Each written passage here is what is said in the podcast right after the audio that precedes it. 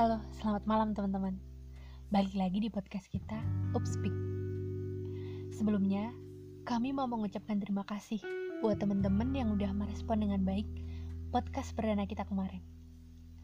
Dan terima kasih juga buat teman-teman yang udah mengisi kuesioner dan mengusulkan beberapa tema podcast yang akan kami sampaikan di episode kali ini. Agenda hari ini di episode kedua, kita bakal membawakan satu tema dari request salah satu pendengar kami. Oh ya, kalau misalkan podcast dari kami ada kesamaan kisah cerita, itu merupakan unsur ketidaksengajaan ya teman-teman. Karena mungkin gak cuma satu atau dua orang yang mengalami hal-hal yang sama dari tema yang bakal kita bawakan kali ini. Jadi dia DM ke kita, dan di sini kita nggak sebutin namanya ya. Kita sebut saja dari anonim. Mau request boleh? Lagi butuh banget motivasi atau penyerahan jadi aku tuh pengen banget berubah. Maksudnya pengen jadi lebih baik dan pengen fokus kuliah dan lebih mikir masa depan. Cuma ada yang bikin aku jadi susah buat fokus ke sana, yaitu mantan aku. Di mana hubungan kita toksik banget, tapi tetap aja aku gak bisa lepas dari dia. Gak tahu kenapa. Nah itu ganggu banget langkah aku buat maju ke depan. Siapa tahu kalian ada saran buat aku. Udah itu aja sih kita bakal bahas tentang mantan. Manis diingatan. Sebenarnya nggak semua mantan itu toksik. Banyak di luar sana yang masih berhubungan dengan mantan dan tetap baik-baik saja. Tapi hubungan yang dikatakan baik-baik saja dengan seorang mantan itu nggak sebaik-baik aja ketika masih pacaran. Ya kan? Namanya juga mantan. Tapi kalau dari cerita anonim ini, udah jelas ya, kalau hubungan dia dengan mantannya itu toksik dan dia nggak bisa lepas, nggak tahu kenapa, gitu kan? Nah, ini tuh konsep sederhana sih sebenarnya, tapi emang susah dan butuh keberanian. Ya namanya mantan, itu kan orang yang pernah hadir dan menjadi spesial dalam hidup kita dulunya. Tapi sekarang, ketika hubungan itu sudah berakhir, ya udah. Kata spesial itu harusnya udah hilang dalam kamus hidup kita buat dia.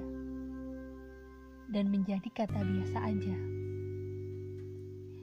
Karena memang sih melupakan itu nggak semudah membalikan telapak tangan. Memaafkan mungkin sudah, tapi apa sudah mengikhlaskan?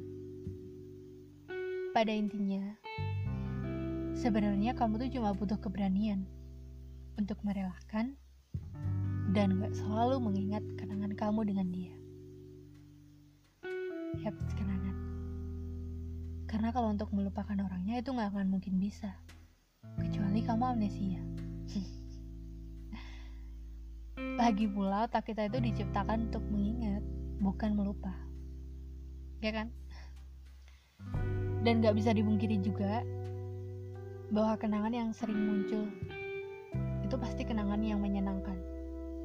Dan itu di luar kemampuan kita sebagai manusia untuk mengendalikan hal itu. Terutama ketika kamu lagi sendiri. Pasti keinget tuh. Kenangan-kenangan indah yang pernah dilalui bersama dia. Eh, dia jadi mantan. Gitu sih. Sebenarnya kamu tuh cuma terjebak dalam kenangan sama dia dan belum terbiasa melakukan hal-hal yang dulunya kalian lakukan bersama, sekarang harus kamu lakukan sendiri. Contoh kecilnya makan. Kalau biasanya dulu kamu makan bareng-bareng sama dia, eh sekarang di tempat yang sama kamu makan sendiri, pasti bakal keinget, ya kan? Itu pasti. Satu konsep sederhana dari teman aku yang dulu sempat mengalami hal ini sering keinget juga tentang mantannya. Susah buat lupain mantannya. Tapi sekarang dia udah mampu bangkit. Udah move on. Katanya gini kalau kamu tiba-tiba keinget kenangan sama dia tanda kutip mantan dan otomatis kamu bakal kangen coba deh kendalikan diri kamu untuk mengingat juga gimana perilaku dia ke kamu sampai kamu jadi sakit hati. apa yang udah dia lakuin ke kamu sampai kamu jadi sakit hati dan belum bisa lepas dari dia sampai sekarang. Ingat hal buruknya, jangan diingat senang-senangnya terus, nanti kangen terus. Mungkin itu, mungkin itu bakal sedikit membantu. Karena kamu pasti bakal sebel dan kesel ketika kamu mengingat hal itu. Gak apa-apa dong, better buat kamu sebel dan kesel sama dia daripada kamu kangen. Itu juga sih yang bikin kamu jadi bakal benci. Eh, bukan benci, apa ya? Kayak gak suka aja sama perilaku dia. Beda loh ya ketika seseorang benci karena kepribadiannya. Kamu boleh sayang dan cinta sama orang lain. Tapi jangan lupa buat cinta dan sayang sama diri kamu sendiri. Oke? Okay? Dengan tidak membiarkan kamu untuk terus-terusan sakit hati dan larut dalam kenangan kamu bersama mantan. Yang benar itu bukan melupakan, tapi mengikhlaskan. Atas apa yang terjadi dalam hidup kamu, tentang dia, atas segala perilaku dia ke kamu, baik buruknya biarkan itu jadi pembelajaran dalam hidup kamu. Karena memang seseorang itu hadir untuk mendewasakan, bukan melemahkan.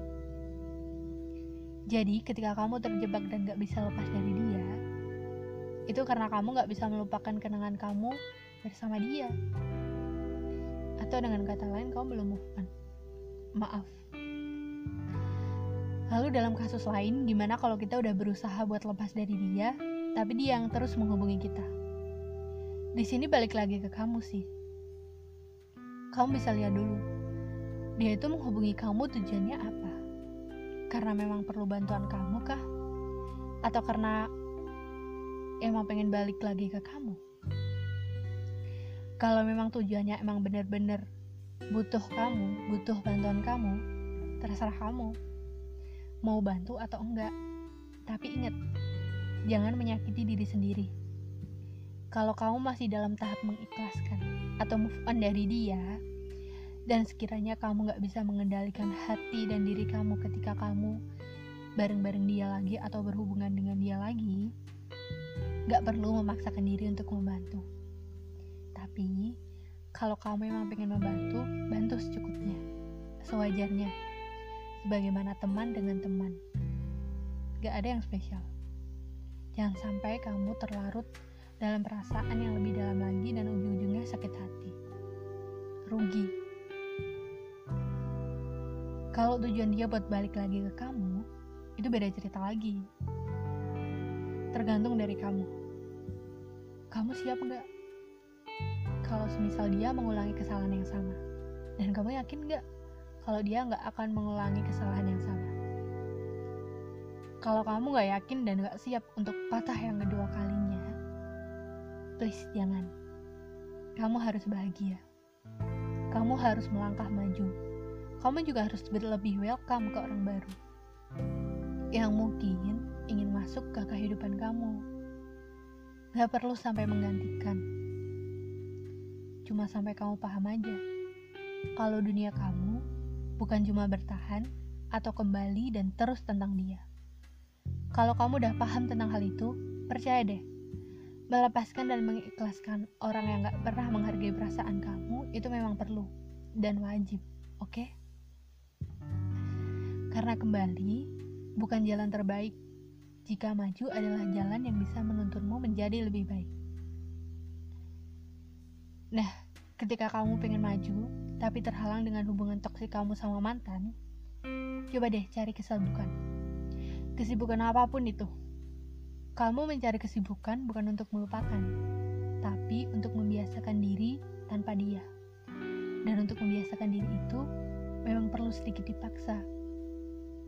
Karena kita itu memang perlu terpaksa agar mulai terbiasa. Melakukan hal-hal baik gitu ya. Do anything.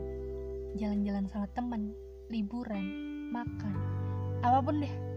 Atau Lakukan hobi kamu yang dulunya sempat tertunda karena kamu terlalu bucin sama dia. Sekarang lakukan itu. Perbaiki hubungan kamu dengan teman-teman kamu yang mungkin Karena kamu terlalu bucin juga, jadi renggang. Perbaiki hubungan itu. Lakukan apa pun sesuai passion kamu. Kalau kamu hobi nulis, ya udah, coba deh buat blog atau nulis cerita di Wattpad. Gak apa-apa, iseng-iseng. Gak ada salahnya. Dan kalau kamu hobi nyanyi, coba deh buat cover-cover di Instagram. Iseng-iseng gak apa-apa. Kamu harus berani buat mencoba.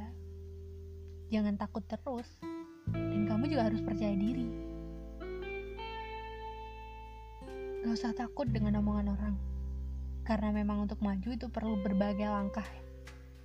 Kamu perlu keberanian, keyakinan, kemauan, harapan, doa, perjuangan, kebaikan, kesabaran, dan keikhlasan.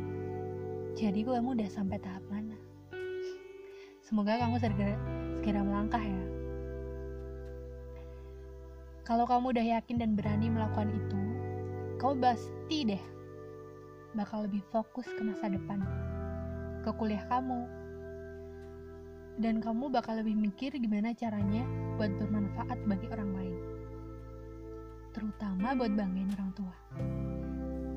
Semangat buat kamu yang sedang berjuang untuk mengikhlaskan mantan. Ingat, bukan melupakan, tapi mengikhlaskan. Hatimu boleh patah, air matamu boleh tumpah, tapi jangan menyerah. Pelan-pelan, kamu harus memaafkan, merelakan, dan mengikhlaskan.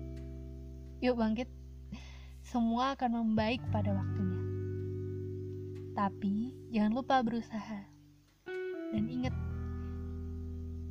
kamu dan dia harus bahagia. Tapi masing-masing. Selamat malam dan terima kasih. Semoga podcast dari kami membantu ya.